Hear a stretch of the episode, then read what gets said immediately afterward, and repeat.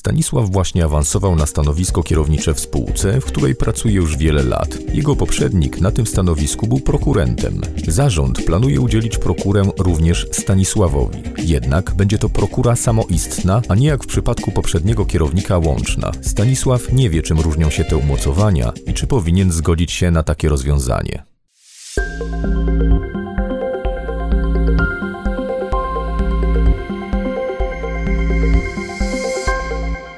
Prawo przy kawie.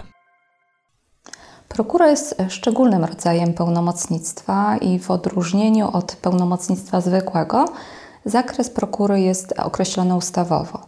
Umocowanie Stanisława jako prokurenta będzie obejmować czynności sądowe i pozasądowe związane z działalnością gospodarczą spółki. Będzie on uprawniony do działania w imieniu i na rzecz tej spółki.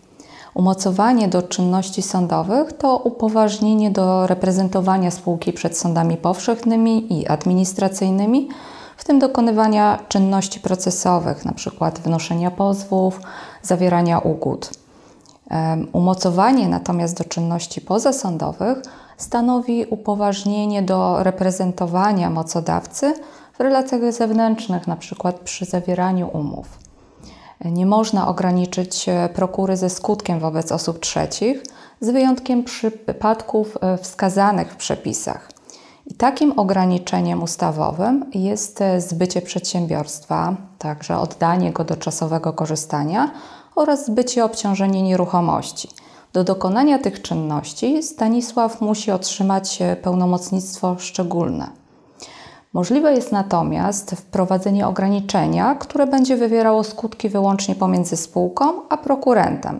Czyli spółka może zobowiązać Stanisława do tego, aby jako prokurent podejmował wyłącznie wskazane mu czynności, może również zobowiązać go, aby nie podejmował określonych działań.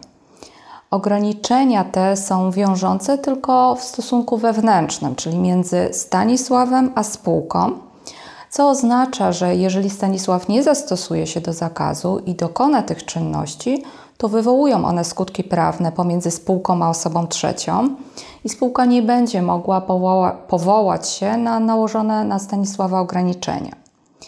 Wyróżnia się prokurę oddzielną, czyli samoistną, oraz prokurę łączną. Prokura samoistna oznacza, że prokurent może samodzielnie dokonywać czynności bez konieczności współdziałania z inną osobą. Natomiast prokura łączna udzielana jest e, kilku osobom łącznie i wymaga współdziałania. Na przykład współdziałania dwóch lub więcej prokurentów, albo współdziałania prokurenta z członkiem zarządu lub wspólnikiem uprawnionym e, do reprezentowania spółki. Stanisław jako prokurent samoistny będzie więc upoważniony do samodzielnego działania.